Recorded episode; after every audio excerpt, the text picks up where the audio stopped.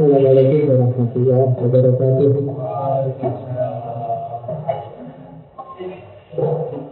Bismillahirrahmanirrahim. Alhamdulillahirabbil alamin.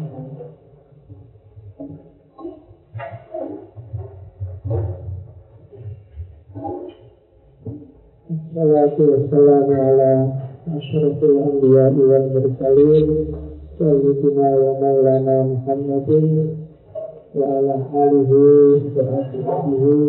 man tabi'ahu ila yaumiddin. Amma Mari, mari.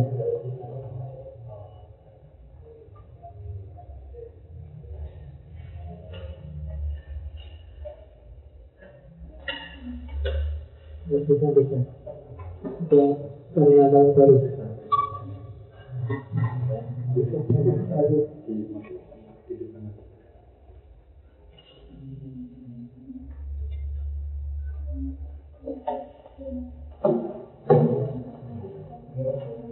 Oke, sambil menunggu dari juga sembuh, Alhamdulillah kita sudah nyampe pada sesi ke 20 Enggak ya? Iya. Oke ya, 20 Tempat SKS lah Nanti kamu minta sertifikat sama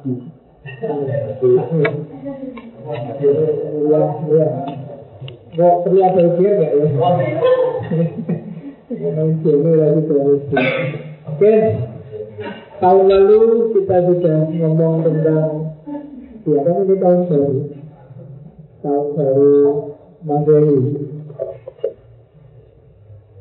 Saya nggak tahu di Facebook ada yang ngetek jangan mau merayakan tahun baru Masehi. Itu tahun barunya bukan tahun baru kita yang disarankan adalah yang hijriah kalau saya ya kalau Indonesia apalagi Jawa ya mau juga ini itu apa. Tahun baru Jawa aja. Tahun Saka ya momentum tahun baru itu sebenarnya ya betul-betul. Kalau Cina kan punya tahun baru Imlek. Ya kan?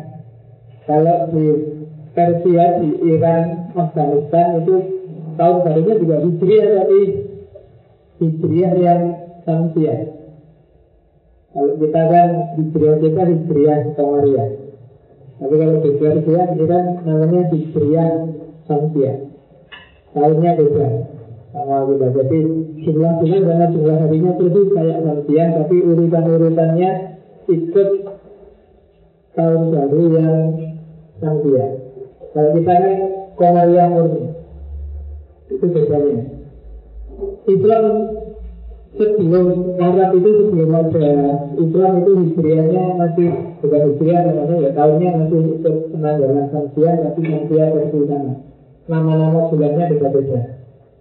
Dimulainya dari musim musim gugur lah awalnya itu sekitar bulan-bulan September. Jadi kalau rotasi Makanya di rotasi bulan itu kan besar. Cuma titik awalnya kapan itu yang Ada yang ngambilnya dari Februari kayak Imlek Ada yang ngambilnya dari sekitar September kayak Hijriah yang Samsiah Atau kalau Islam kemudian yang kemarin aja mulainya satu satu Muharram ini. Kalau Islam kan diawali dari hijrahnya Nabi Tapi jangan salah hijrahnya Nabi itu bukan tanggal satu Muharram. Karena Nabi itu hijrahnya bulan Rabiul Awal Jadi Nabi itu lahir hijrah dan meninggal bulannya adalah Rabiul Awal. Cuma awal tahun memang tahun Israeli satu Muharram sebelum Jadi Nabi itu memang hijrahnya ya di tahun hijriah yang satu Tapi perjalanannya dilakukan di bulan Rabiul Awalnya. Karena kalau nanti ini kan nggak bikin baru kalau nanti satu apa satu Januari kan tahun barunya bulan Rabiul awal kan nanti jadi berubah tatanan Jadi tahun barunya tetap harus satu Muharram Karena sebelum Islam kan orang ngerti tahun itu kan bukan angka tahunnya Tapi ada tahun saja Ada tahun kali gitu. Dari peristiwa besarnya Bukan urutannya. Kalau urutannya tetap Jalan dulu kalau nama-nama itu tidak dari Islam sebenarnya. Jauh sebelum itu nama-nama Muharram, nama Sofar dan seterusnya itu sudah ada. Muharram itu kan bulan yang ketika suku-suku dilarang perang. Itu disebut Muharram. Setelah itu sekitar bulan September. Nanti begitu masuk Oktober sudah mulai awal musim gugur disebut Sofar. Sofar artinya kuning karena daun-daun sudah mulai berwarna kuning.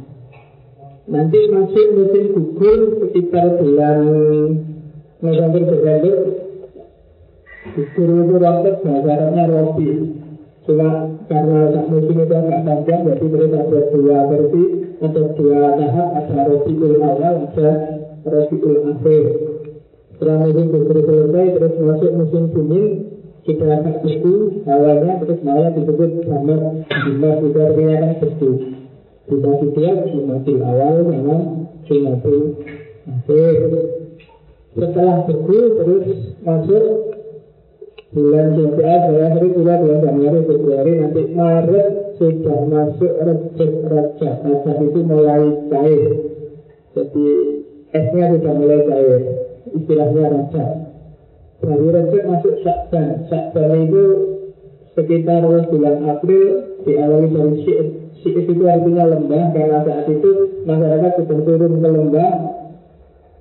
Ada yang menggembala ada yang bertani itu namanya setelah Syakban masuk musim panas awal orang keluar sudah mulai panas kulitnya terbakar maka disebut Ramadan Ramadan artinya pembakaran. Jadi karena memang agak panas. Meskipun kemudian kita maknai secara agak pelesetan ini membakar dosa-dosa Ramadan nanti sebulan kemudian sudah lebih banyak Ramadan dua bulan lain nanti bulan Juni maknanya semakin agak tinggi semakin meningkat suhunya maka disebut Syawal artinya meningkat peningkatan maksudnya suhunya meningkat. Kalau kita kan meningkat itu Idul Fitri jadi baiknya meningkat. Lalu sebenarnya itu peningkatan suhu. Nanti puncaknya sekitar bulan Juli namanya Zulqa'dah itu kalau sudah puncak-puncaknya panas jadi orang lebih suka di rumah duduk-duduk daripada keluar Duduk itu kok bisa kok it Makanya disebut kok Itu sebenarnya waktunya duduk-duduk Setelah itu bulan Agustus Bul hijrah waktunya haji. Haji itu belum itu kan sudah ada ajaran haji Jadi itu bulannya orang haji. Itu bulan-bulan Muharram. Karena ini karena ini perhitungannya bulan Nanti ada selisih karena satu tahunnya. Apa-apa lah ngomong tahun, tahun baru. Satu tahunnya Hijriah itu kan sekitar 354 hari Sementara kalau Samsiah ini kan 365 Jadi ada selisih 11 hari. Selisih ini kalau di Arab Lima nanti setelah sekian tahun Ada tahun yang jumlah bulannya 3 bulan.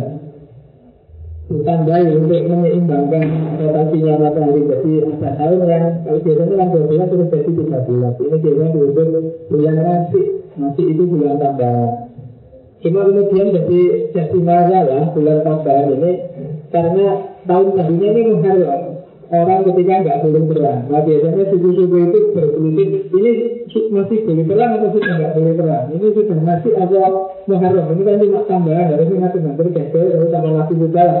Buang aja nggak usah nasi nasian sekarang ya tetap pakai itu nggak ada tambahan sehingga kemudian Komarian sama Samsian seperti kita lihat sekarang kan selalu berbeda nggak sama. Lalu zaman dulu sama. Sehingga kalau zaman dulu Ramadan bisa diperkirakan baru sekitar bulan Mei. Tapi sekarang selalu di musim panas. Tapi sekarang sudah nggak bisa lagi. Nah, kalau di sini-sini telah ngaji ilmu salah Jangan ngaji dulu apa nanti selesai. Oke. Kita masuk lagi. Ngaji ini sudah jalan.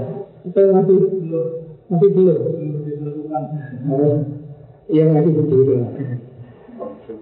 Menarik ya ngaji salah banyak banyak hal yang kayak Jawa itu dulu pakai namanya tahun Saka. Tahun Saka itu perhitungannya matahari sebenarnya, cuma dengan dengan model yang berbeda.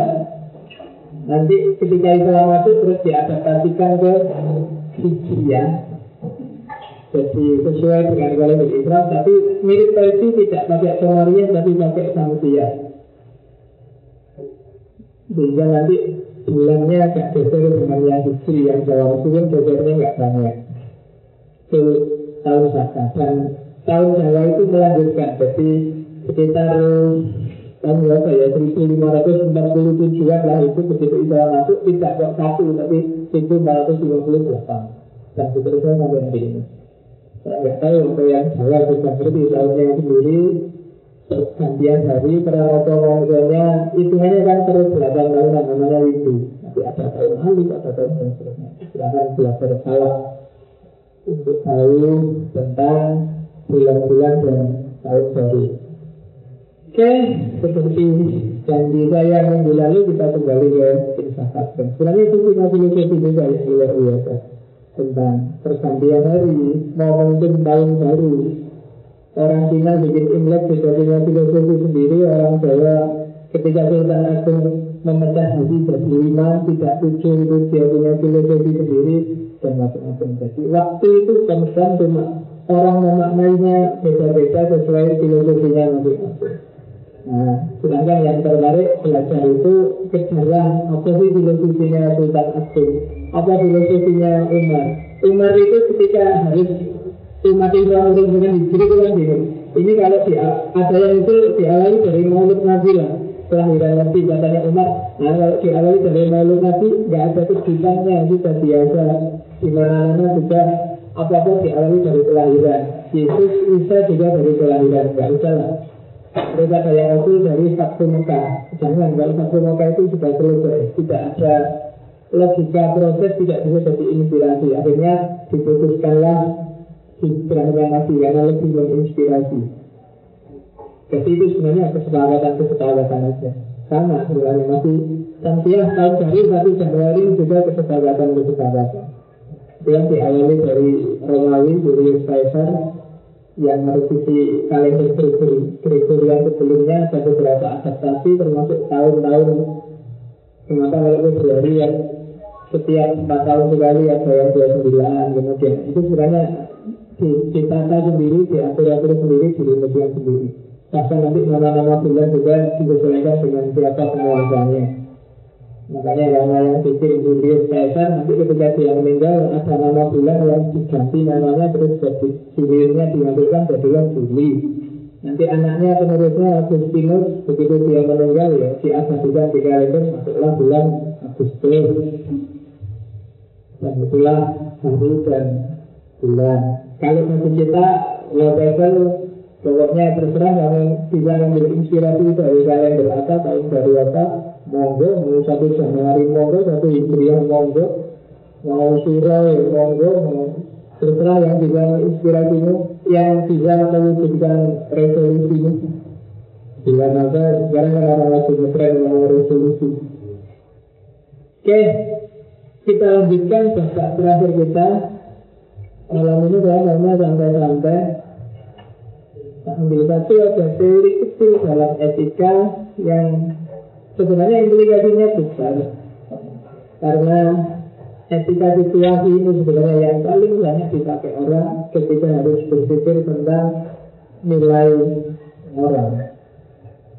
Sadar atau tidak sadar. Biasanya orang mikirnya situasi. Etika situasi muncul dimunculkan oleh seorang tokoh namanya Yosef Pletzer Hari ini ketika bagi saya puncaknya terakhir minggu depan kita akan ngomong estetika.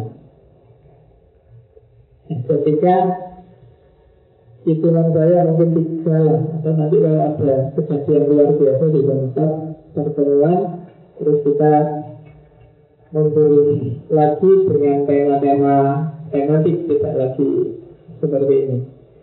Nanti kita bisa lebih bebas. Jadi nanti setelah estetika mungkin kita mengklaim diri sudah kenal filsafat, bukan ngerti filsafat dulu ya, kenal filsafat. Dan ngerti beluk-beluknya mulai ontologi sampai estetika. Tapi paling nggak kalau seorang ngomong ngerti lah itu, oh, itu filosofinya seperti apa. Saya ngerti seperti itu. Kalau belum, ya tidak apa-apa. Itu biasa saja. Orang pikir itu kan juga ya usaha, ini kan belum, ya tidak apa-apa, usaha lagi. Oke, Tokohnya Yosef Fletcher belum lama meninggal tahun 91. Jargonnya The morality of an action depends on the situation. Moralitas baik buruknya satu aksi itu tergantung situasinya. Tidak ada baik buruk yang baik dalam dirinya sendiri dalam perbuatan itu sendiri. Jujur itu baik kalau bohong itu jelek. Kalau di belajar enggak. Kata-kata jujur jelek bohong bagus kalau situasinya tak ya kan? Kan cerita bohong banyak jujur itu yang jelek sekali. Kamu Belajar filsafat bisa sampai kedua puluh kan masih nggak bisa bisa. Gila itu jujur kan yang ngomong gini tapi kan menyakitkan. Enggak, tapi orang ini masa anak belajar biologi gitu nanti selamanya ke situ dulu. Jadi ya, kamu punya teman jelek kulitnya itu nggak bilang kamu kok itu banget ya jujur. Tapi kan situasinya keliru, tidak Bohong juga kalau saya kadang-kadang bagus Tapi nggak ada pakai bagus ini Pantes Jadi iya kan? Itu kan kadang-kadang nggak perlu Buat bagus kayak gitu. Tapi pantes Kadang-kadang kayak biasa Itu memang sebenarnya tapi kan dalam rangka menjaga optimisme, menjaga semangatnya teman-teman, bagus, sudah janji kamu, ngerti sudah, tenang aja, tinggal kamu. Tapi kan kadang biar dia tambah semangat. Bohong itu sebenarnya nggak jujur, nggak bisa dibilang bisa. Tapi kan dalam rangka biar dia nggak ngasih semangatnya situasinya. Jadi katanya Fletcher, nah moralitas itu lihat situasinya dulu.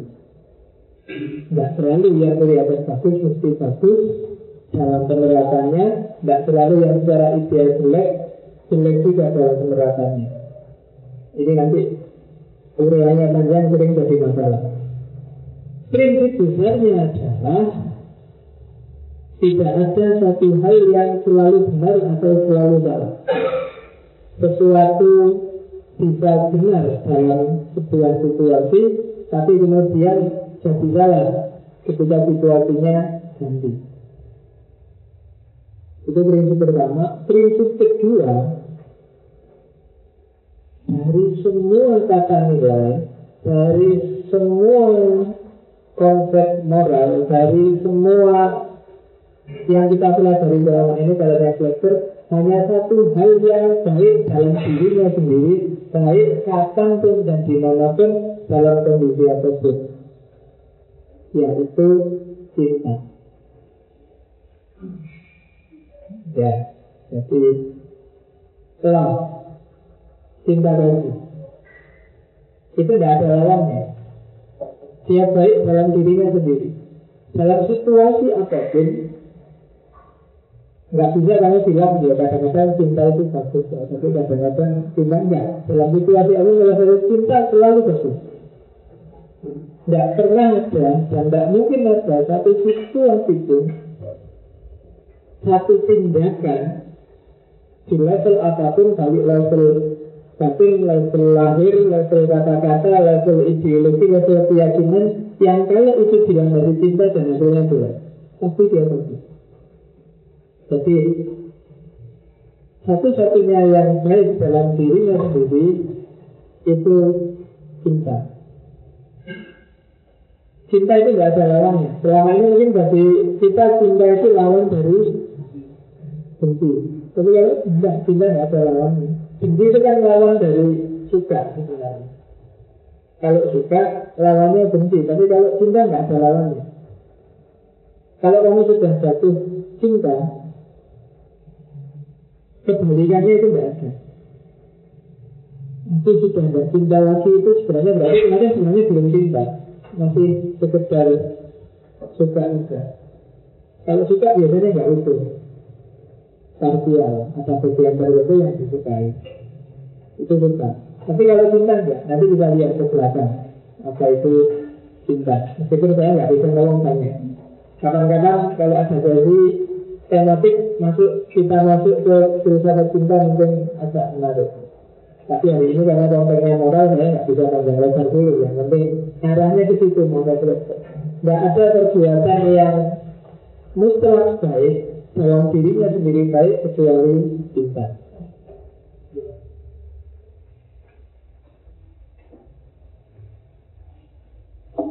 Oke, saya nggak tahu yang ada di kepalamu tentang cinta itu apa. Tapi saya nggak tahu ya, hampir di forum apa pun, kalau saya pakai istilah cinta, itu mesti senyum-senyum. Oh dia Ya ya enggak, saya sekali-sekali meneliti. Jadi yang kamu senyum itu apa? Kalau saya ngomong cinta itu, saya kan nggak tahu ya. Kesimpulan awal di gue Facebook ketika saya ngomong itu biasanya yang terbayang di kepala itu pacaran.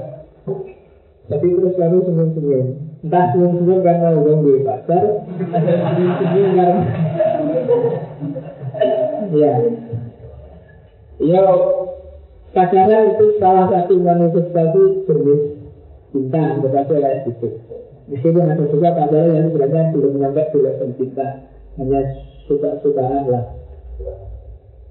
Masih sakit-sakit, oh sakit-sakit ya itu jenis itu lah. Masih masih belum nyampe ke masuknya cinta. Kita kembali ke sini lagi. Nanti ke belakang kita ngomong lagi tentang cinta. Jadi Fletcher ketika merumuskan etika situasi kenapa sih perbuatan itu harus selalu dengan dilihat situasinya? Dia mengasumsikan empat hal. Yang pertama ekonomi moral. Dikasih kalau kemarin kan di sistem etika sebelumnya, baik buruk itu sistemik. Dilihat dari budayanya, dilihat dari tradisinya. Kalau agama coba dicek kitab sucinya, ajaran nabi adalah macam Tapi kalau di etika situasi, hakikatnya perbuatan moral itu pilihan individu. Boleh kamu lihat Quran, boleh kamu lihat budayamu, boleh kamu lihat aturan, boleh kamu lihat undang-undang, tapi keputusan moral itu sebenarnya otonomi individu. Semua sistem, semua aturan, semua undang-undang itu sebenarnya cuma pertimbangan aja kamu mau hadir ngaji ini atau enggak ya? Itu kan banyak undang-undang Tapi kamu lihat Quran ini negeri taklim pahalanya besar. Ada undang-undang misalnya ini pendidikan macam-macam banyak. Tapi yang memutuskan yang akhirnya cuma kamu. Kamu mau ngaji apa enggak? Dari semua konsiderasi, dari semua pertimbangan yang kamu ketahui mana baik, mana buruk, mana pas, mana enggak pas, enaknya gimana, enggak enaknya gimana, terus kamu pilih saya harus hadir ngaji malam ini, itu kan otonominya. Kamu diceramai tiap hari tentang moral, ceramah tinggal ceramah, apakah itu kamu jalankan atau enggak kan tergantung kamu. Maka katanya belajar pertama-tama ingatlah bahwa moral itu otonom. Orang bisa nasihati kamu, tapi tidak ada orang yang bisa nyetir keputusanmu. Jadi pilihanmu pilihan itu otonomi moral. Kamu sendiri yang harus memutuskan secara bebas. Yang kedua, asumsi jadi yang pertama itu moral umum. Yang kedua, tidak ada perbuatan yang baik atau buruk dalam dirinya sendiri. Semuanya tergantung situasi. Seperti yang tak jelaskan tadi. Jadi setiap situasi itu unik dan individual yang kedua, hukum moral itu harus dilihat konkretnya, kontekstualitasnya. Idealnya bagus, tapi situasinya nggak mendukung juga nggak pas. Jadi saya berangkat ke sini ada orang yang naik motor itu ada lampu merah nggak peduli robo, kamu itu tidak ada itu kamu mesti ya mesti kurang aja. Harusnya nggak boleh. Secara aturan dia keliru.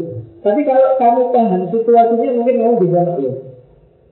Misalnya kalau dia bilang, eh, ini nggak mau mas ngerokok cuma ini di rumah ini, ini ibu sakit misalnya harus segera dibawa ke UGD misalnya. Kalau oh itu nggak bocor kayak gitu. Tapi namanya marah tapi kan nggak jadi. Karena situasi ini. Orang sering marah, sering ngeritik, sering mencaci maki karena mungkin dia tidak paham situasinya. Kamu melakukan sesuatu mungkin punya pertimbangan sendiri, punya logika sendiri, yang itu orang nggak dibaca. Orang cuma lihat, ya, lahirnya layak gimana. Nah itu asumsi kedua. Jadi tidak ada atau belajar yang baik atau jahat dalam diri sendiri. Jadi melihat apa pun, coba dilihat dulu situasinya seperti apa. Polisi kok membunuhin orang ke enaknya, misalnya waktu kasus kemarin beropiak teroris itu kan harusnya kan harus dibunuh, ditangkap. Kamu kan sudah komentar gitu. Tapi nanti kalau polisi sudah menjelaskan situasinya, mungkin kamu nggak jadi marah sama polisinya. Ya mau tak tangkap di mana saya baru datang ke situ, baru tak suruh nyewa, terus tiba-tiba aku ditembak. Ya aku dibom, ya aku ya tak tembak. Oh gitu dong. Ya tak apa-apa kalau gitu. Tak pikir datang-datang terus langsung ditembak. Kan kenapa kamu ngerti situasinya? Gitu. Kayak kamu harusnya dosennya sudah marah-marah harusnya terlambat 10 menit nggak boleh masuk dan kamu maksa masuk ke sini. Kamu kan sudah ngerti kita sudah sepakat 10 menit. Saya sudah mau 10 menit, tapi waktu saya berangkat ada orang sebelahku sedang bawa mobil jatuh, masa nggak tak tolong pak? Kan harus tak tolong dulu gimana dia sampai ke bawah ke rumah sakit terus tadi saya masuk ke sini. Bagaimana nggak jadi marah kan kenapa? Ngerti situasi. Mestinya jangan dimanfaatkan mesti gitu kan Case-nya Pak, Pak. Case-nya macet Pak. Saya lagi enak-enak dan itu bocor Pak. Saya sering kayak gitu. Jadi alasan paling populer Mahasiswa telah mesti itu. Kalau nggak berani bocor Naik bis terus bisa lambat Ngetem terus nggak jalan-jalan. Atau kemudian yang kadang-kadang muncul alasan ketiduran kalau masuk ke pagi ada lagi. Itu itu terus itu kan sebenarnya kami sudah paham bahwa yang kamu lakukan salah, cuma kalau mungkin dosen mengerti situasinya, ternyata dia bisa maklum. Kan gitu sebenarnya tujuannya. Itu namanya etika situasi. Jadi lihat situasinya dulu. Oke. Nah, meskipun setiap orang itu otonom dalam segi moral dan setiap situasi itu unik, apa terus kita nggak melihat norma moral umum? Apa terus kita nggak lihat tradisi, nggak lihat budaya, nggak lihat agama, nggak lihat undang-undang? Kalau kalau sesuatu tidak apa-apa itu diakui, ya, memang kita itu di tengah masyarakat yang punya aturan. Tapi agama, budaya, tradisi itu hanya pertimbangan. Kalau dalam bahasanya belajar di bukunya, dia hanya penasehat yang tidak memiliki hak veto. Agama nyuruh kamu jujur, tapi kamu kan bisa untuk tidak jujur. Kong agama cuma nasihatin kamu. Undang-undang juga menganjurkan kamu. Undang-undang nyuruh kamu harus berhenti pada waktu lampu merah. Tapi kan kamu bisa untuk tidak berhenti. Yang itu pilihan kok. Keputusannya ada di kamu. Aturan, undang-undang, agama, budaya itu kan penasehat. Dia tidak bisa maksa. Keputusannya ada di kamu. Maka kalau dia tiga situasi bukan kok terus anti agama, anti norma nilai budaya, anti cara berpikir komunal, anti konvensi, enggak. Anti undang-undang, enggak. Semuanya iya, cuma itu kan pernah lihat. Ngasih pertimbangan itu. Keputusannya ada di kita. Dan penanggung jawabnya juga kita yang mengambil keputusan. Itu asumsi ketiga. Asumsi keempatnya, etika situasi. Etika itu antara legalisme dan antinomisme. Jadi etika yang ideal itu anti legalisme. Legalisme itu letter Kalau aturannya A ya. Kalau aturannya B ya B. Tidak lihat situasi. Tidak lihat kondisi yang berubah. Itu legalisme. Dan kebalikannya anti antinomisme. Antinomisme itu anarkisme total. Gak peduli tak karena dewe menurut Jawa Tak karena itu bahasa Indonesia suka-suka lah, suka-suka gue. Eh, itu belum Indonesia ya. Suka-suka aku. Tak seminggu lah, tak seminggu. Itu antinomisme. Tak karena dewe. Gak peduli sama sekali aturan. Nah, etika yang ideal, mereka yang ideal itu di antara legalisme, kaku, dan antinomisme yang anarki. Tak itu. Jadi orang nggak boleh meskipun otonom, tapi jangan tak itu. Meskipun jangan tak itu, tapi jangan juga legalis, jangan juga formalis. Jadi lihat lihat situasi lah bahwa ada aturan jangan ngasih orang minta-minta ya jangan legalis, jangan formalis. Ya kadang-kadang ada orang minta dia memang butuh kebutuhan ya dikasih. Tapi juga jangan antinomi tak harus yang ada aturan kayak gitu tidak tak pikir belas nah itu antinomi namanya. Jadi di, di yang ya itu bijaksana. Makanya etika situasi itu berawal dari realitas dilakukan secara bijaksana pada waktu yang pas. Prinsipnya tiga itu. Bijaksana tapi tidak pas juga tidak bagus. Waktunya pas tapi tidak bijaksana juga tidak bagus. Tidak sesuai bijaksana tapi tidak sesuai situasi juga tidak bagus. Jadi lihat-lihat. Aturannya adalah dilarang merokok. Misalnya pilihannya bersama dilarang merokok. Legalnya gitu. Tapi ya mungkin dalam kondisi tertentu merokok ada di situ nggak apa-apa. Saya ini ruangan ini kawasan tanpa rokok. Yang tanpa rokok itu sebelah mana ya? Kan kayak teman itu. Ada kan bisa menemukan bok nengkung bensin itu karena di toiletnya rame, aduh dilarang penting di sini terus ada tanahnya ke bawah itu. Begitu ada jadi kencingnya agak ke. Itu yang di situ Nggak boleh kritik itu. Ya, nggak boleh kan itu ada tanahnya. Nggak boleh situ nggak apa-apa. Kenapa lagialisme? Ya mikirnya nggak segitunya lah. Jadi, tapi jangan juga antinomisme. Mungkin kalau bukan orang besar, anak kecil mungkin nggak bisa lah. Kasihan dia anak kecil nggak bisa lanjutin harus muter-muter tak bisa masalah kecil. Tapi kalau orang besar ya jangan. Itu legalisme dan antinomisme. Terus latar belakangnya. Kenapa sih kok Fletcher mengeluarkan etika situasi? Ada dua filsafat yang jadi bekalnya Fletcher. Yang pertama eksistensialisme, yang kedua personalisme. Nanti waktu tematik pasti ada sesi eksistensialisme. Tapi yang jelas eksistensialisme itu melihat manusia tidak terlalu jelimet misalnya esensinya apa, hakikatnya apa, tapi yang jelas dilihat wujud eksistennya. Jadi sejauh mana dia menampilkan diri, sejauh mana dia menunjukkan dirinya sesuai apa yang diinginkan, sesuai apa yang dia pikirkan, sesuai apa yang ingin dia lakukan. Sebenarnya eksistensi, alisme. Jadi melihat manusia di level eksistennya, tidak di level hakikat esensi. Hakikat esensi itu belakangan. Bagi orang eksistensialisme, eksistensi lebih penting daripada esensi. Misalnya, apa ya, contohnya gini loh. Misalnya ada wanita sebenarnya saya itu rajin. Cuma karena semester ini banyak halangan, jadi saya sering bodoh. Nah, ini kan kami mau bilang bahwa hakikat itu, esensi itu, itu rajin. Cuma karena banyak halangan sekarang nggak bisa rajin.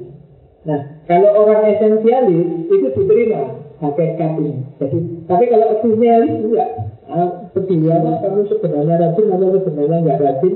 Yang penting kalau kamu sering bolos berarti kamu nggak rajin. Jadi yang dilihat ya tampilannya, performanya setiap hari. Itu namanya eksistensialisme.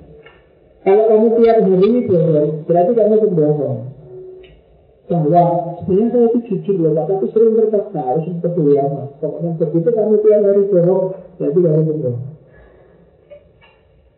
Yaitu eksistensialisme. Banyak tokoh yang mulai Sartre sampai Nietzsche sampai ke belakang sampai postmodern banyak juga tokoh-tokoh eksistensialisme. Yang kedua personalisme. Sebenarnya mirip kayak eksistensialisme, tapi di personalisme manusia dilihat sebagai person yang punya otonomi, yang mengambil sikap sendiri, melakukan perilaku sendiri, menilai hidupnya sendiri. Itu personalisme. Jadi eksistensialisme dan personalisme. Dari sini terus kemudian muncullah etika situasi bahwa setiap orang itu unik, setiap orang itu eksis sebagai dirinya sendiri, otentik sebagai dirinya sendiri, sehingga pertimbangan-pertimbangan moral yang dia ambil itu sesuai dengan apa yang dia inginkan, apa yang dia anggap baik, apa yang dia mau. Dari situ nanti lahir etika situasi. Hanya-hanya malingnya kan beda antara maling antara Hood yang harta rampasannya dikasihkan ke orang miskin dengan Ahmad Katana yang harta rampasannya dibagikan ke dia. Coba tahu sini Andi. Iya. Kita lihat, tapi kalau misalnya yang diajak ke kamar waktu yang itu bilang sini Nah itu kan beda kadar kemalingannya. Yang satu kamu puji-puji, yang satu kamu teriak-teriak. Padahal aktivitasnya sama, sama-sama maling. Kenapa? Karena person yang tampil dan eksistensi yang diungkapkan oleh dua orang ini berbeda. Ungkapan diri yang berbeda dari dua orang, yang satu dari ungkapan kepedulian sosial, yang satu dari ungkapan ke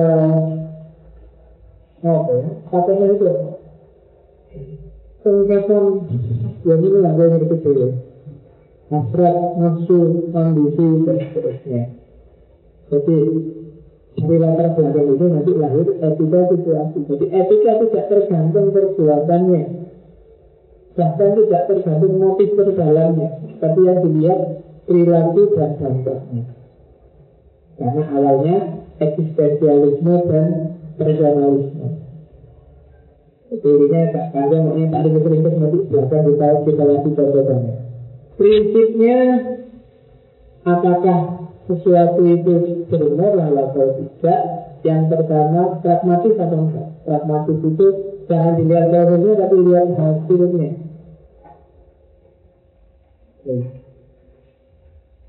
Jujur, oke boleh, tapi hasil dari jujur itu apa? Kalau hasilnya jujur malah menyakiti orang lain, mending jangan jujur.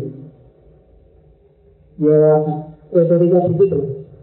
Kalau ada teman gemuk ya nggak usah dibilang kamu gemuk sekali ya bilang aja kamu sekarang punya banyak kelebihan. Jadi itu pragmatis. Jadi tidak dilihat prosesnya, moralitas itu lihatlah hasilnya. Kalau hasilnya bagus, kondusif berarti itu bermoral. Tapi perilaku bermoral kalau hasilnya malah rusak, itu berarti berat. Itu patokannya kita situasi. Jadi pragmatis, lihat hasilnya aja. Mencaci maki kalau hasilnya positif itu mungkin bermoral, tapi caci maki yang hasilnya negatif, jadinya tidak bermoral. Itu prinsip pertama. Jadi maka Jangan keburu di judgment kalau ada caci maki, kalau ada orang melakukan yang menurut kamu jelek, itu juga jelek. Kalau ada orang melakukan yang kamu keliru, itu juga keliru. Sama jangan ketika kamu tahu konteksnya, oh, itu benar. Karena saya punya ada teman itu punya anak perawan, sukanya keluyuran malam, Begitu pulang, bapak emosi terus sama bapaknya ditambah Mungkin jagalnya Nggak terima terus lapor ke polisi.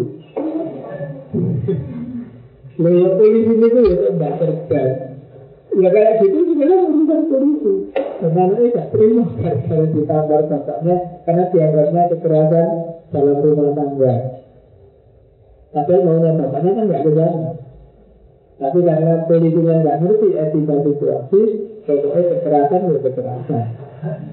Itu kalau berarti kalau ada anak pacaran jiwit-jiwitan itu itu namanya lapor ke polisi. Ini ada kekerasan jiwit-jiwitan mereka nggak menyiksa pasangannya ya nggak boleh itu urusan mungkin bisa gitu karena yang dilihat perbuatannya bukan motif dan situasi di balik perbuatan. Padahal nilai satu perbuatan sangat banyak yang ditentukan oleh situasi dan kondisinya. Yang kedua, prinsip selain pragmatis adalah prinsip relativisme. Jadi, hukum aturan, undang-undang, apa pun semua yang kita anggap ideal, itu tidak punya nilai yang pasti. Makanya etika situasi. Semua tergantung situasinya. Ini sebenarnya yang sering Kenapa sih kok pengacara itu pakai kitab KUHP yang sama Tapi tiga taluran itu luar biasa antar pengacara Kenapa? Karena ini nilainya relatif Itu Coba lihat, kasus apa saja kan yang jahat punya pengacara, yang baik punya pengacara Korbannya punya pengacara, pelakunya juga punya pengacara, ini juga punya ayat KUHP, ini juga punya ayat KUHP. Kenapa? Karena memang tidak ada nilai, tidak ada value yang pasti dari aturan hukum dan moral. Semua bisa ditafsirkan sesuai situasi. Hmm. Dilihat dari mana dulu, dilihat dari perspektif apa dulu. Bahkan yang paling normatif dalam hidup kita Seorang muslim Al-Quran pun kan juga begitu Buktinya apa? Coba kamu itu ada berapa ribu kitab tafsir dari Al-Quran yang satu. Ada berapa juta ayat yang ada berapa juta tafsir dari ayat-ayat Al-Quran. Kenapa? Ya, karena nilai-nilai yang ada di sana itu terbuka tidak pasti sehingga orang menafsirkan sesuai kondisinya masing-masing. Yang fikih melahirkan tafsir fikih yang ahli filsafat melahirkan tafsir falsafi yang ahli sufi melahirkan tafsir sufi saya katakan itu diundang ngomong ada yang tanya dalilnya mana? Orang tidak boleh menghakimi tidak boleh mengkafirkan tidak boleh itu. Karena itu bukan ahli tafsir bingung aja ayatnya apa ya tak belum akhirnya tak kira-kira dulu. Tak cariin dari surat al-fatihah iya kan? Untuk apa kata tak kira-kira. Mengatakan itu cuma fatihah dan beberapa ayat pendek ya tapi ya ternyata yang bisa ya ini fatihah fatihah dan ketemunya di ayat ngalimi yaumiddin itu. Yang di kita terjemah biasanya yaumiddin itu kan hari kiamat atau hari pembalasan dan satu-satunya milik, satu-satunya penguasa yang punya otoritas untuk pembalasan, untuk penghakiman, untuk penghukuman itu cuma Allah. Buktinya surat Al-Fatihah Maliki al-Din Jadi kita tidak punya hak Yang punya hak itu cuma Allah.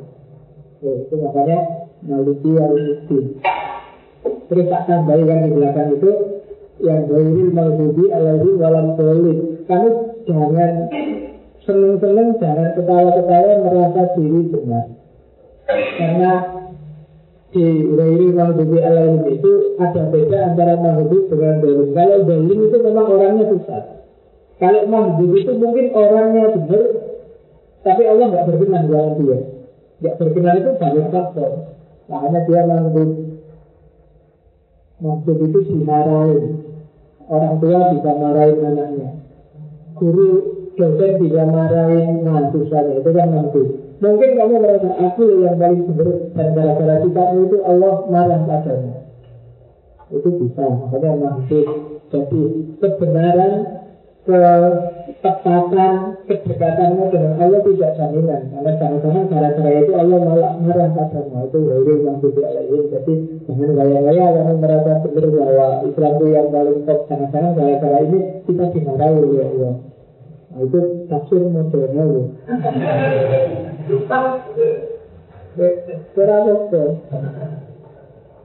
Ibu lama, saya saya itu mengamalkan itu, itu cuma sedikit. Jadi saya juga pernah debat sama orang gara-gara Alhamdulillah. Jadi kita kan sering pakai Alhamdulillah itu untuk ungkapan syukur. Ya bisa lah kayak gitu. Tapi bagi saya Alhamdulillah itu bukan ungkapan syukur. Alhamdulillah itu ungkapan bahwa kita itu tidak punya kemampuan apa-apa.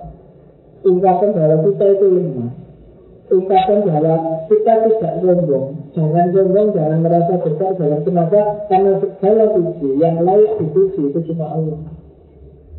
Kadang-kadang Alhamdulillah itu banyak dengan kesombongan kita kan misalnya Alhamdulillah nilai itu A semua. Jadi itu nada Alhamdulillah seolah-olah kita bersyukur pada Allah nilai itu Seolah-olah kita punya kemampuan. Padahal Alhamdulillah justru secara harafiah artinya Segala pujian, segala yang layak untuk diunggulkan itu hanya Allah. Kita nggak ada apa-apa.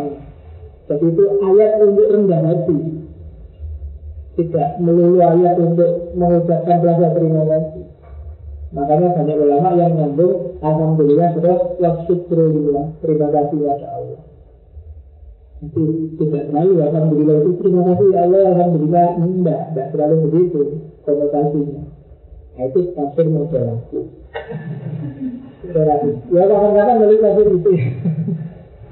Jadi kenapa bisa kayak gitu? Karena ada relativisme. Nilai itu bisa ditarik ke mana-mana.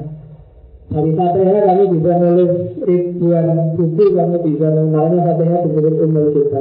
Dan jangan-jangan ayat paling awal adalah deklarasi bahwa Allah adalah zat yang maha cinta, Rahman dan Rahim. Rahman itu cinta yang meluas, kalau Rahim itu cinta yang mendalam. Nah, kadang-kadang kita ngaji. Kalau kamu percaya, kadang-kadang saya ngaji ngaji.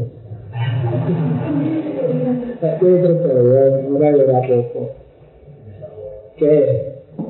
Yang ketiga, positivisme. Positivisme. Jadi selain relatif, harus dipercayai kapasitas kemampuan manusia untuk mengambil keputusan. Positivisme itu kan aliran dalam filsafat yang percaya pada dua hal, realitas empiris dan kemampuan rasional manusia. Jadi kemampuan indrawi dan kemampuan rasio.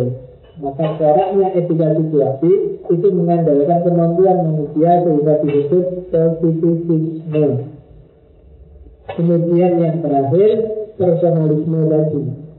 Jadi personalisme itu berhubungan dengan apa yang kita inginkan, apa yang kita tampilkan, apa yang kita tunjukkan keluar sebagai individu yang mandiri, sebagai individu yang otonom. Itu personalisme. Jadi satu, dua, tiga, empat inilah nanti jadi variabelnya etika situasi. Pragmatis berarti yang ini tujuannya relatif berarti tidak ada keseragaman tafsir moral masing-masing sesuai, sesuai situasinya. Positif berarti percaya pada kemampuan setiap orang untuk menanggapi kenyataan untuk memutuskan sesuai yang dia anggap benar. Dan yang terakhir personalisme. Setiap orang itu punya otonomi punya hak untuk menampilkan eksistensinya sendiri Nanti ada tokoh eksistensialisme Sartre yang bilang bahwa setiap orang itu harusnya mandiri menampilkan dirinya sendiri cuma sering kali terhalang oleh orang lain. Maka dia punya punya musuh yang sangat terkenal. Orang lain adalah neraka bagiku. Itu Sartre. Kenapa orang lain itu neraka?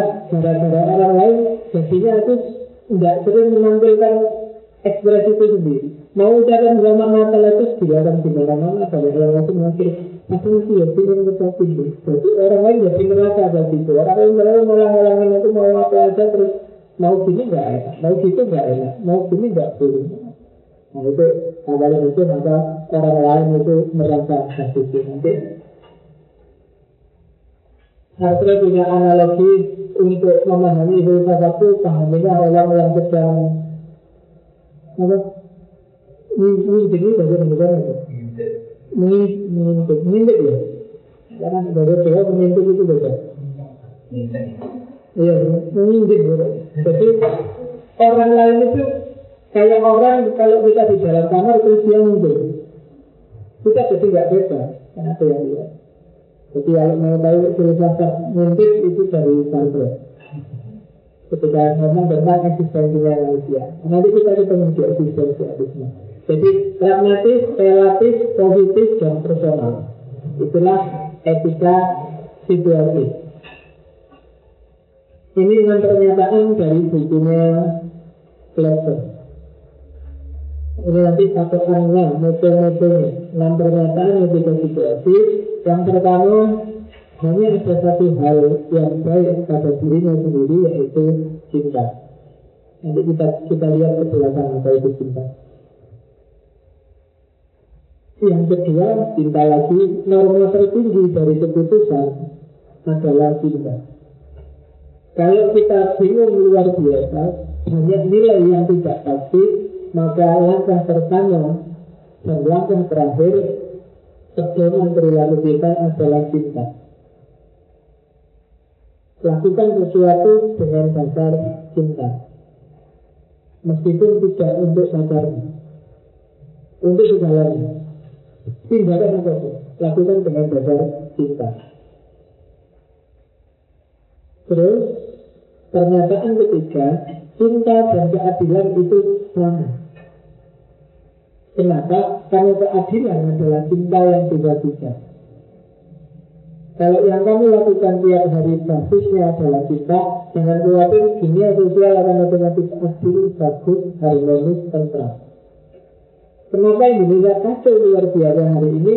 Insya Allah kalau pakai etika situasi Karena paradigma yang kita pakai tiap hari adalah paradigma yang bukan cinta Hari ini orang mungkin lebih suka menabur sumber, buruk sangka, kebencian lebih suka mengambil jarak dari yang lain, lebih suka menegaskan perbedaan dengan yang lain, lebih suka menegaskan identitas yang beda karena kami. Maka ya bisa. Cinta komunikasinya hanya buat pacar karena buat istri yang di luar itu nggak ada nggak ada lagi cinta. Hari ini kan suntuk, kamu lihat TV langsung suntuk. Di sini Indonesia itu nggak ada temannya. Buka internet langsung runtuh. Nonton sepak bola suntuk kawan terus. Nah, sebenarnya sama sekali karena nggak cinta. Oke ya, jadi kalau kita bisa dalam sepak bola karena barusan ada yang juga yang agak keluar macam eh kenapa sepak bola itu 45 menit dasarnya apa bisa lagi ya Pak mungkin aku kurang ngerti kalau saya tahu Pak kenapa 45 karena menyesuaikan dengan jumlah bolanya Loh, yang main berapa? 11 sama 11 22 orang 22 itu kan satu orang membawa dua. Bola jadi mungkin 44 ditambah satu bolanya yang benar pas Bolanya yang dikendalikan satu Satu orang bawa dua bola Dua dua kali dua empat puluh empat Bisa baca empat puluh lima Makanya empat puluh lima menit Nanti baca itu. Tapi kalau dia nambahin sendiri. Nah tapi kadang-kadang Ada injury time dua menit. Nah itu bolanya wasit.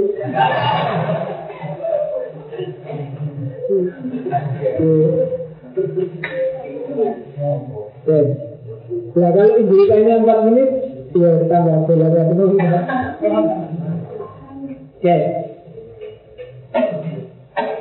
Cinta dan keadilan itu sama karena keadilan adalah cinta yang dibagusan. Jadi jangan takut kalau cinta kita sudah cinta, maka harmoni akan muncul. Keindahan relasi akan lahir. Cinta hanya menghendaki kebaikan untuk bersama kita suka atau tidak suka. Cinta tidak peduli suka atau tidak suka. Cinta tidak melampaui dari sekedar senang atau tidak senang. Nanti kita lihat apa saja yang melampaui senang dan tidak senang itu. Hanya tujuan yang bisa menjustifikasi Allah. Dan cinta adalah alat sekaligus tujuan. Melakukan sesuatu, lakukan atas dasar cinta dan lihatlah apakah akhirnya adalah manifestasi dari cinta atau bukan. Kalau dengan selesai, lihatlah apakah itu relatif yang paling menunjukkan ekspresi cinta. Bukan dari motif yang lain apa pun. Dan keputusan cinta itu keputusan yang melihat situasi.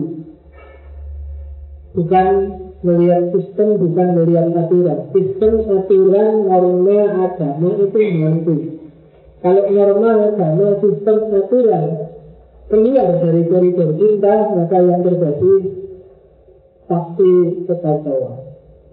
Agama bisa dimanipulasi untuk kekacauan undang-undang bisa dimanipulasi untuk kepentingan sendiri budaya bisa dimanipulasi untuk keuntungan kelompok ketika kehilangan cinta. Maka modus yang paling indah dalam hidup ini katanya etika situasi adalah cinta. Fletcher seorang Kristen dan dia terinspirasi luar biasa oleh gaya hidupnya Nabi Isa, Yesus. Kan Orang ini kan terkenal dengan cinta kasihnya.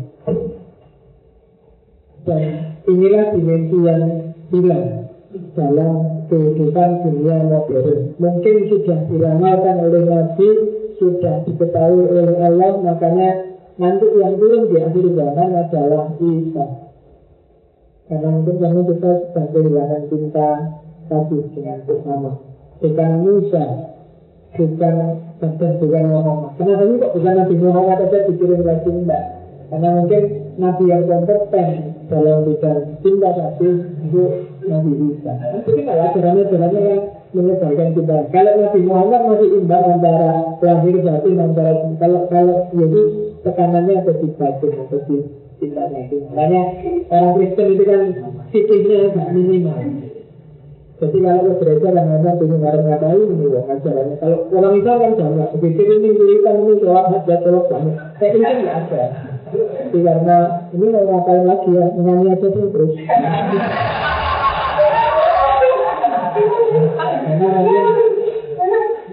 Iya, fikirnya dibandingkan ya itu kalau Yahudi fikirnya banyak jauh melebihi Islam. Yahudi. Mungkin karena penyeimbangkan dan Islam datang untuk untuk mungkin menyeimbangkan itu sehingga ada teori yang bilang ajaran risalah-risalah sebelumnya itu nanti puncaknya di Islam. Nah, di Islam semua akan dengar ada. Oke, itu enam pernyataan ketika situasi.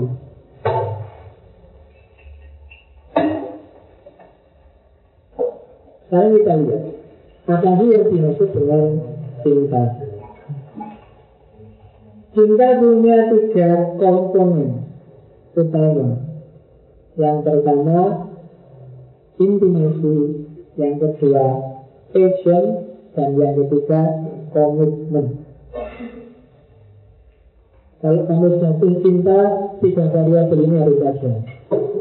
Intimasi itu kedekatan, keakraban, ke ya keintiman bukan hubungan intim tadi ya kedekatan. Makanya kami kan tidak berharap misalnya punya pacar Luna, Luna Maya atau jatuh cinta sama bapak yang artis kenapa karena jauh. Nggak mungkin bisa dekat. Yang kedua passion. Ada nafsunya ada gairahnya ada hasratnya. Nggak mungkin kalau nggak ada passion kamu cinta pada seseorang Bahkan kadang-kadang cuma passion kok Hasrat Dan yang ketiga Ada komitmen Ada ideal-ideal ada keinginan-keinginan, ada cita-cita yang ingin kamu perjuangkan secara konsisten. Itu komitmen. Harus ada komitmennya, ada passionnya, ada intimasi. Kamu harus akrab, kamu harus bergairah, bersemangat, bernafsu, kamu harus punya komitmen. Terhadap apa pun kamu harus cinta, berarti kamu harus dekat, jangan ambil jarak yang akrab. Kamu harus punya passion, punya rasa. Jadi, kan kadang-kadang orang passionnya mana? Nah, gitu loh. Harus ada emosinya masuk dong. Karena kita bukan robot. Dan yang ketiga, komitmen ada ideal yang kamu perjuangkan. Ada cita-cita, ada kebaikan dan kebenaran yang ingin kamu wujudkan dari cinta. Relasi terhadap apa pun kalau punya dasar tiga ini, insya Allah jadi indah. Oke ya, karena jadi kalau itu ada beberapa yang warna ungu itu ada yang passion saja. Kalau passion saja itu biasanya ABG cinta monyet baru jadi cinta itu biasanya passion aja. Isinya itu ya tergila-gila itu terpesona tergaya wajahnya tiap hari nggak enak makan nggak enak tidur nah itu passion biasa emosi aja tiap hari pokoknya sibuk SMS dengan kamu sibuk telepon-teleponan, sibuk mention-mentionan di Facebook, sibuk galau-galauan, itu biasanya infatuation. Tapi ada juga yang kehilangan rasa, hanya komitmen aja. Itu biasanya itu istilahnya love, cinta yang kosong. Ya, kamu bantu, kamu nganterin kuliah di sini catatan tapi kamu gak ada rasa apa apa ya kasihan anda temen nah, itu sebenarnya bukan cinta gak ada rasanya meskipun bisa tiap hari meskipun gandengnya meskipun kamu gak kamu gak ada ya gak nyampe iya gak nyampe kalau passionnya ada satu, nggak ada tuh nggak ada jangan kan bisa ya dilirik itu saja kamu dapat bangun gitu. Itu infatuation. Ada juga yang kompassion, kompassion itu itu kasihan sebenarnya. Ada rasa, cuma rasanya rasa kasihan. Kehilangan hasrat, nggak ada nafsunya. Ada intimasi, ada komitmen, ada keakraban, ada kedekatan, ada saling ketergantungan, ada komitmen yang ingin diperjuangkan tapi tidak ada passionnya, tidak ada gairahnya itu cuma kasihan. Kenapa kok kamu tiap hari nganterin dia? Kasihan dia. Kirimannya pas-pasan.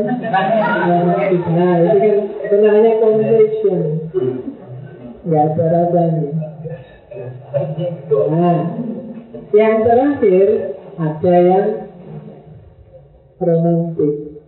Kalau romantis itu passionnya ada, intimasinya ada, tapi nggak peduli sama itu. Pokoknya ini yang riangan, terus ini ya, itu biasanya kan disebut romantis lah. Jadi pokoknya sering-sering berdua terus lah, pokoknya dunia milik berdua. Yang lain itu cuma nyamuk yang ganggu aja, peduli apa. Di ruangan ada sekian sama orang nggak peduli yang penting kita berdua aja. Ke kampus hanya untuk ketemu kamu. Ke masjid hanya untuk ketemu kamu. Nah, itu. Kalau kamu nggak ada, oh, ngaji seperti apa pun nggak ada rasa Nah, selalu kemarin tak tunggu-tunggu kok hari ini nggak masuk. Aduh, sudah kosong sekarang nggak ada. Nah, itu biasanya romantis lah. Jadi kami yang sedang mendeteksi mungkin sedang nasir, mungkin sedang coba dicek apakah itu hanya ketersediaan fisik sementara infatuation ataukah hanya komitmen belakang karena ideal moral, ideal sosial atau hanya rasa kasihan atau itu romantis. Kalau tiga-tiganya ada berarti itulah cinta yang utuh. Itulah yang dimaksud cinta yang sebenarnya nggak cuma untuk pacar tiga itu. Untuk apa pun. relasi apa pun kasih atas nama cinta ketika itu ada keakraban ada emosi yang terlibat Kenapa sih emosi harus terlibat? Karena keterlibatan seseorang pada sesuatu itu biasanya lewat emosi. Saya benci, suka, dan seterusnya itu kan ada kalau passionnya keluar. Kalau enggak, biasanya enggak terlalu dekat. Intimasinya enggak bisa bagus. Dan yang terakhir komitmen. Harus ada kebaikan, harus ada kebenaran, harus ada keindahan yang dipertahankan dan diperjuangkan. Itu ada komitmen. Maka cinta yang sejati, cinta yang tulus itu selain passion, selain intimasi juga harus ada komitmen. Kita lihat selanjutnya. Karakteristiknya apakah itu sejati atau enggak ada empat. Jadi sebenarnya belajar pinjam dari Eric Fromm. Ada banyak variasi, ada banyak model, cuma yang paling terkenal memang kategori dari Fromm. Ada knowledge, respect, care, dan responsibility. Knowledge berarti kita harus tahu, kita harus belajar, kita harus mengerti hal yang kita cintai. Kalau kamu punya pacar, kamu harus paham siapa pacarmu, gimana wataknya, apa kebiasaannya, yang biasanya apa, yang nggak biasanya apa, itu yang pacar. Kalau cinta pada Tuhan juga begitu, kamu harus tahu Tuhan itu wataknya gimana, yang diinginkan Tuhan apa, yang bikin mereka Tuhan apa, yang disukai Tuhan apa, yang dibenci Tuhan apa, itu milik. Gak mungkin kamu bisa cinta yang sebenarnya tanpa nulis. Maka cinta pada pandangan pertama itu selalu belum cinta. Itu masih infatuation, ketergodaan. Itu biasanya masih parsial. Cinta pada pandangan pertama itu parsial karena biasanya mungkin kamu lihat hidungnya aja. Hidungnya itu sekali bersama. Nah, kalau ketawa kok itu ketawa Itu infatuation, ketergodaan. Boleh, ketertarikan fisik itu boleh. Wajar, kadang-kadang memang gerbangnya harus selalu ketertarikan fisik, infatuation. Tapi kamu harus masuk ke dalam kalau ingin cinta yang sebenarnya. Jalan pertama yang harus kamu tempuh adalah knowledge. Siapa dia? Mana? Bapaknya galak apa enggak?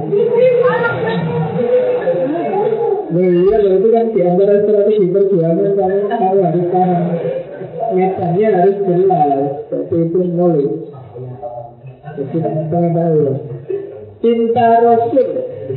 Boleh kamu tiap hari baca salawat cinta Rasul Tapi gerbang cinta yang pertama adalah knowledge Pahami siapa Nabi Baca surahnya. Apa yang diinginkan Nabi Apa yang disukai Nabi.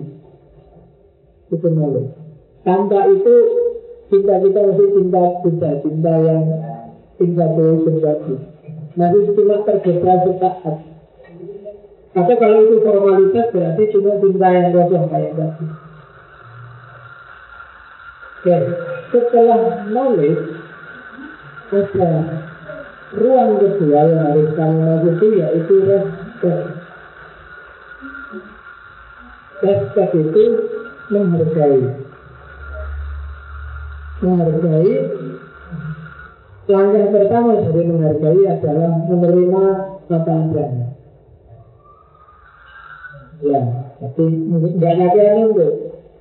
Kalau kamu mau bersifat satu, tiap hari kamu harus mau gini. Kalau mandi harus dua hari sekali. Itu ya kenali belum eh, tidak tidak menerima apa adanya Terima dulu apa adanya, kamu hargai dia apa adanya. Saya nggak suka punya pacar belajar belajar itu pacar nggak ngeyel nanti. Nanti nggak ngerti.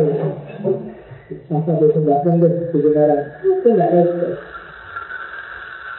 Ya, macam-macam respect itu mungkin makan, mungkin saya belajar, mungkin cara hidup, mungkin hobi, mungkin macam-macam.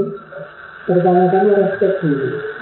Kalau nanti ada yang diperbaiki, ada yang dikritik, ada yang dikritik kan nggak apa-apa. Tapi pertama-tama harus di respect dulu, dihargai Untuk bisa respect, misalnya tetap malu. Kamu nggak bisa respect pada seseorang, respect pada sesuatu kalau kamu nggak tahu tentang sesuatu atau seseorang itu. Kalau kamu nggak ngerti dia selera makan di angkringan, kamu kan nggak bisa respect dia ketika makan di angkringan. Makan kok di angkringan, apa apanya di itu kan eh, terus kamu marah-marah. Tapi kalau kamu tahu, oh memang dia biasanya makan di angkringan, bukan karena semata-mata hobinya di situ, itu kan menyesuaikan dengan situasi. Nah, itu. Dengan kamu ngerti sih kan, tapi kamu bisa menghargai. Untuk bisa menghargai, pengetahuannya harus lengkap. Setelah respect, baru kamu share. Setelah dihargai, baru kamu masuk dengan kepedulian-kepedulian. Gak apa sih kamu makan di angkringan. Cuma kelihatannya kalau angkringan itu gak ada buah, gak ada susu. Kan harus mati yang lima sendiri kan eh, itu harus beli ya tidak kamu beli susu kalau buah kalau nggak punya uang buahnya kamu cari susunya nggak bawa ini itu kebili namanya care kamu gak ketawa orang ini pikiranmu mesti murung ya jadi peduli. Jadi kamu biasanya kalau rebu ngasih bapak Salah berarti nggak apa-apa kamu jangan hari rebu nggak apa-apa kan kamu waktunya ngaji. Atau waktunya ngaji kamu atau jangan ngaji aja ngaji aja ngaji kan peduli jadi setelah dihargai terus dipeduli dipeduli itu kalau yang tadi dihargai memang jelek memang merusak ya ini ini jangan gitu lah nggak bagus itu peduli dan yang keempat setelah peduli harus ada responsibility tanggung jawab. Tanggung jawab terhadap yang dilakukan bersama yang dilakukan dia dan yang kamu lakukan. Semuanya ikut kami tanggung. Baik dalam hal yang paling vulgar sampai dalam hal yang paling lembut. Dia tanggung jawab lah punya pacar, nggak punya kendaraan, sementara kamu punya kuliahnya jauh, terus itu di antara contoh tanggung jawab. Dia tanggung jawab lah katanya kamu cinta sama Allah. Ya disuruh sholat ya sholat lah, disuruh puasa ya puasa itu namanya bertanggung jawab. Ya, ya, setelah kasih tahu tentang kalau cinta pada Allah berarti setelah tahu tentang Allah respect, tidak komplain, Allah mau nyuruh-nyuruh sholat enggak maka dunia itu respect dan care peduli tidak cuek. Setelah care terus responsibel bertanggung jawab. Tidak lari dari tugas tidak lari dari apa yang harus dilakukan. Jadi tanggung jawab itu kan tidak lari dari apa yang harus ditanggung dan tidak lari dari apa yang harus dijawab itu namanya makanya bahasa Indonesia tanggung jawab. Responsible berawal dari kata respon. Jadi semua akibat semua apa hasil dari yang muncul dari cinta yang diberikan kamu siap menanggung ya sebagai resiko kamu misalnya punya mertua kaya berarti kamu harus tahan batin kamu harus sabar itu itu tidak boleh komplain, harus siap ditanggung. Jadi, maka cinta yang tulus itu selalu biasanya empat aspek ini ada saja. Sebelum empat aspek ada, masih belum, masih masih tadi, masih masih setengah-setengah antara infatuation, kadang jenis komitmen aja, kadang kehilangan vision, kadang kehilangan komitmen. Tapi kalau empat ini ada, pengetahuannya ada, dihargai, tidak dicuekin, peduli, kemudian tanggung jawab cinta Allah, cinta Rasul, cinta Tuhan, cinta apa pun. Kalau empat ini ada, insya Allah hidup jadi indah. Dunia ini rusak karena orang tidak saling mau tahu. Urusanmu, urusanmu, urusanku, urusanku. Tidak ada yang mutual understanding, tidak mau berbagi knowledge.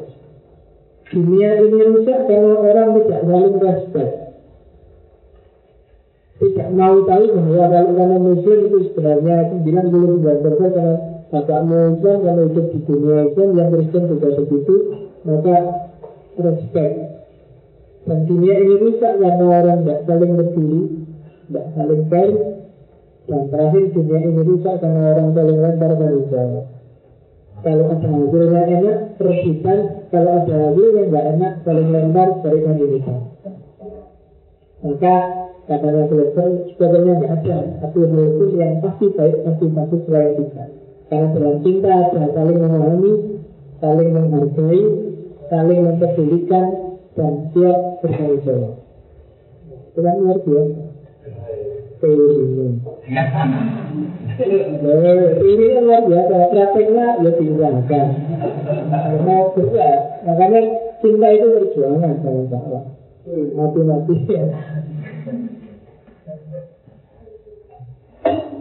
Kalau ada empat ini dan memang asli wujudnya itu nanti yang disebut cinta tanpa syarat, unconditional love. Ya kan? Tanpa syarat. Kenapa? Ketika ada syarat, pasti ada hal tertentu yang kamu cintai yang tidak kamu respect. Kamu boleh jadi kasar itu asal kamu setiap kali makan berdua kamu yang bayari. Nah itu berarti berarti ada syaratnya nanti. Termasuk di antara syarat kalau itu pacaran adalah masih cinta padamu kalau kamu juga cinta padamu. Kalau kamu nggak cinta selesai, nanti dari yang lain. Itu belum. Berarti kamu masih belum masuk ke dunia cinta. Kalau dunia cinta nggak peduli. Termasuk cinta ketuhanan Termasuk cinta pada Rasul Cinta ketuhanan kan juga begitu. Kalau cinta sejati pada Tuhan Kamu disuruh berdoa berdoa. Jika berdoa nggak bisa bilang Itu apa yang penting dekat sama Allah. Cinta pada Kalau kamu punya pacar Kamu ingin selalu dekat Ingin selalu berhubungan Terbayang-bayang terus pacarnya. Cinta pada Allah sebenarnya analoginya seperti itu. Kamu ingin dekat terus Terbayang-bayang Allah terus. Hatimu menyebut dia terus. Dan itu biasanya yang kayak gini yang kayak suci. Rumi kan sampai mabuk Allah. Tarian servisnya Rumi yang mikir yang terkenal luar biasa. Itu kan ketika Rumi sedang sedih ditinggal ibunya dan kita beri dia punya sahabat baru sama itu orang ini pandai besi ketika Rumi yang sedang salah nongkrong di tempatnya pengembangan besi mendengar tentang besi itu seperti suara zikir Allah Allah terus sekarang nggak dapat terus sampai terus muter dan itu sebenarnya mengikut satu cinta yang luar biasa kata Allah yang geraknya kan gini kalau muter itu tangan kanannya ke atas tangan kirinya ke bawah itu sebenarnya simbol siap menerima limpahan anugerah cinta kasih dari Allah tapi tidak egois nanti akan disebarkan ke negatif geraknya terus muter kan terus hasilnya kadang-kadang dia berkali jadi itu jadi knowledge respect care dan responsibility oke nah ya cinta nggak bisa diteorikan panjang-panjang tapi praktekkanlah hampir semua sufi hampir semua filosuf cinta kalau ditanya apa itu cinta bisa. Orang hanya bilang manifestasinya, ciri-cirinya, karakternya dan seterusnya. Tapi ngomong kesejatian definisi yang pas itu bisa. Ghazali, Khalil Gibran, kata lagi. Rumi, Ibnu Arabi, semua enggak tahu. Ketika disuruh mendefinisikan apa itu cinta. Kalau kata Nabi ini, sebelum aku jatuh cinta, aku terawat luar biasa. Bikin puisi tentang cinta, bikin tulisan tentang cinta, bikin drama tentang cinta. Tapi begitu aku jatuh cinta, aku langsung tulis. Cinta lagi. Jadi biasanya gitu. Mahasiswa yang dia lebih ribut tentang pacaran, biasanya rambu pacar. Sing di pacar biasanya menang. Gitu ya. Enggak kenal lagi di London. Biasanya gitu. Yang tiap hari, iya. Orang hanya meributkan yang makanya teori ini bisa dibuktikan. Orang yang lebih suka debat itu biasanya orang yang sebenarnya tidak yakin dengan kebenarannya sendiri. Orang yang nyari-nyari kesalahannya orang lain itu sebenarnya orang yang belum yakin sendiri dengan miliknya sehingga dia harus yakin bahwa orang lain salah. Maka dia terus nyari-nyari terus sendiri minta langsung bikin kafir biar dia yakin bahwa aku ini tidak tidak benar.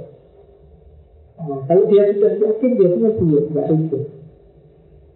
Terserah mau apa yang penting ini loh yang sebenarnya itu kan selesai.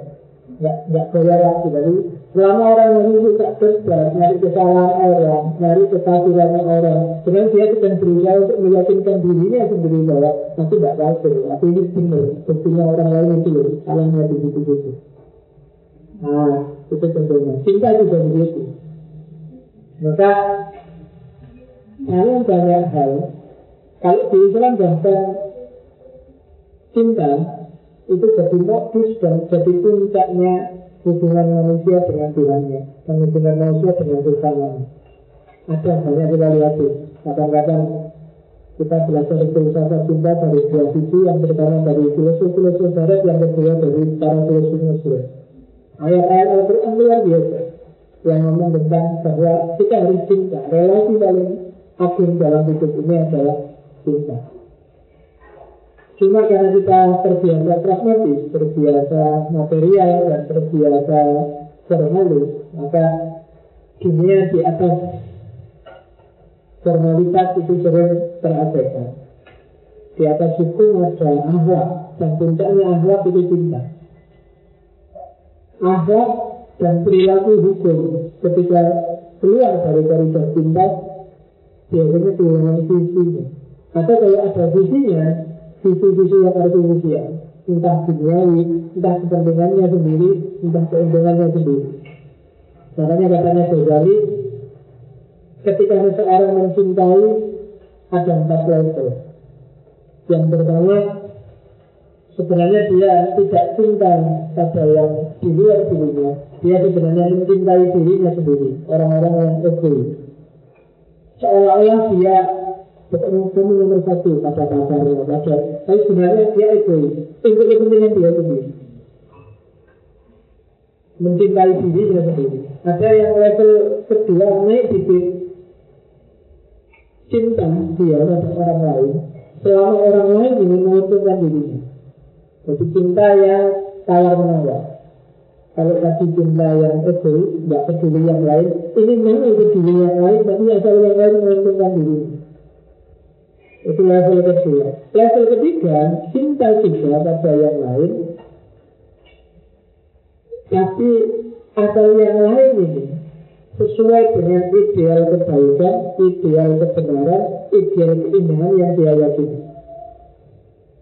Misalnya, aku tidak kenal Gustur, tapi aku cinta Gustur. Kenapa? Karena Gustur itu pluralis, karena Gustur itu toleran, karena Gustur itu... Jadi nanti ada syaratnya. Kenapa kamu suka Gustur? Karena Gustur punya karakter A, B, C,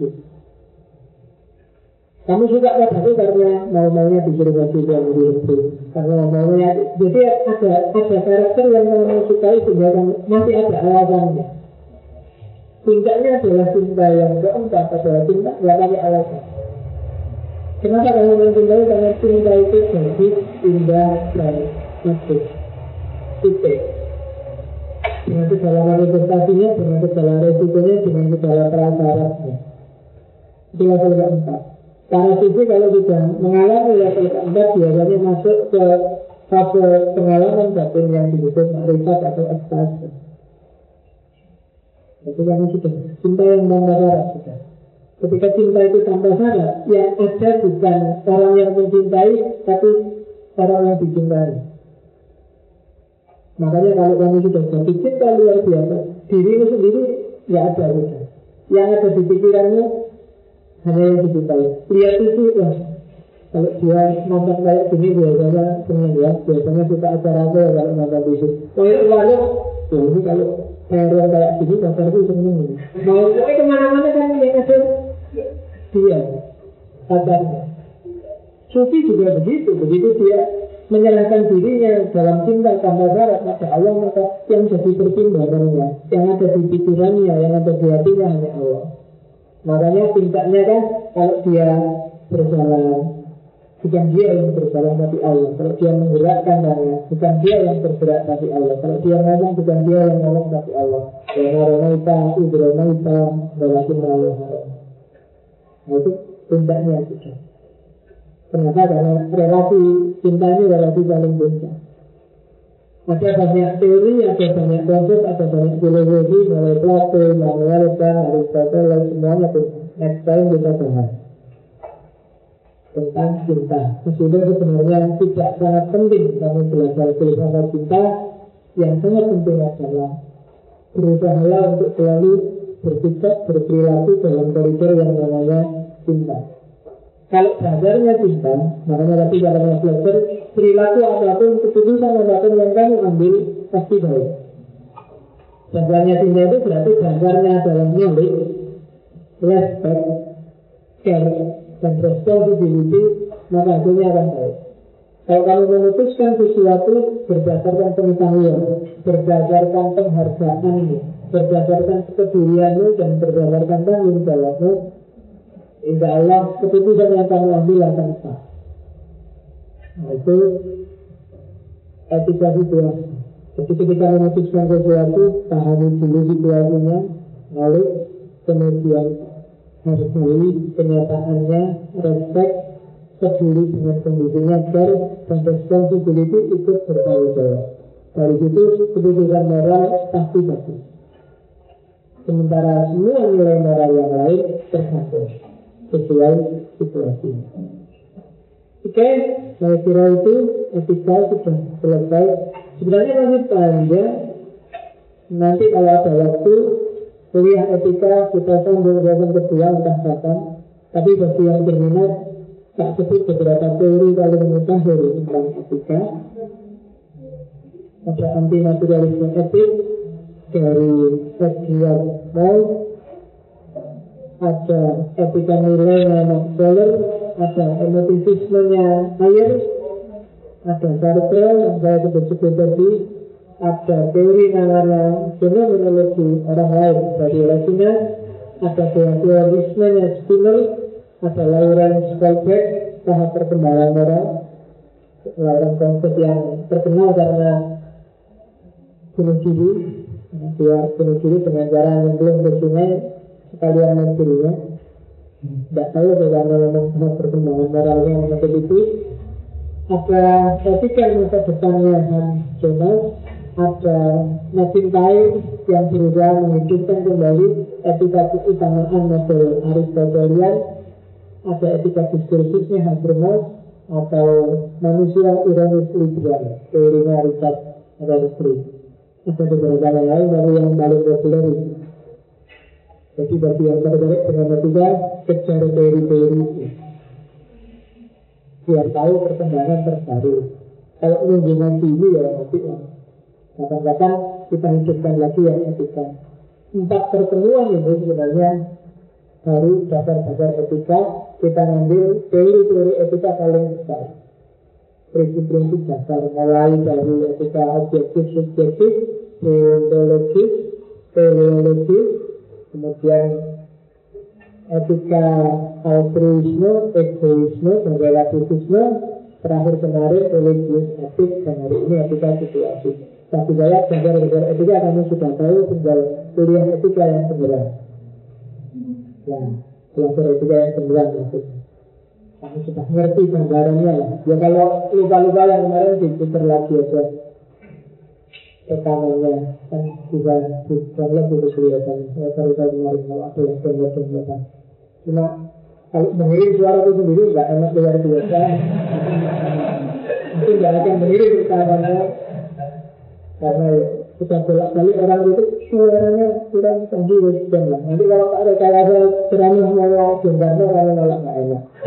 Jadi biar enggak biar sampai yang menitui suara itu ya kayak gini jalannya jadi harap maklum.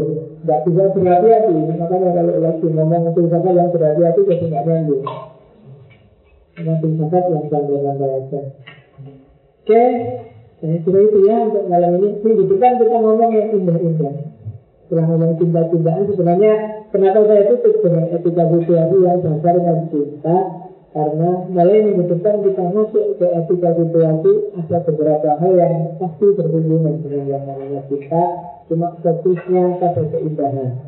Karena salah satu variabel cinta adalah keindahan. Beauty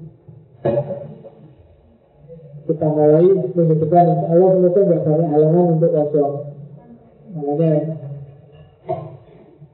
kita doakan semoga bisa lancar sampai kamu lulus biar nanti dilanjutkan oleh adik kelasnya yang pasti Oke, ada pertanyaan? Alhamdulillah selalu nggak ada. Kalau itu selalu bisa, kalau memang sedikit salah. Kalau mau tak kasih kami yang menolong. Ya next time lah, ditungguin aja pertanyaannya macam-macam nanti ada satu sesi yang pertanyaannya di awal kita tungguin setengah sesi yang belakang harus terana. Ditungguin aja pertanyaannya ada ada sambilan apa mulai dari tema hari ini sampai tema bahkan tema yang sampai pertama juga boleh. Kalau saya bisa jawab ya utang nanti dicari jawabannya di luar menjadi kami nak jawab lagi. Oke, saya kira itu. Wallahu a'lam bishawab. Wallahul muwaffiq. Assalamualaikum warahmatullahi wabarakatuh.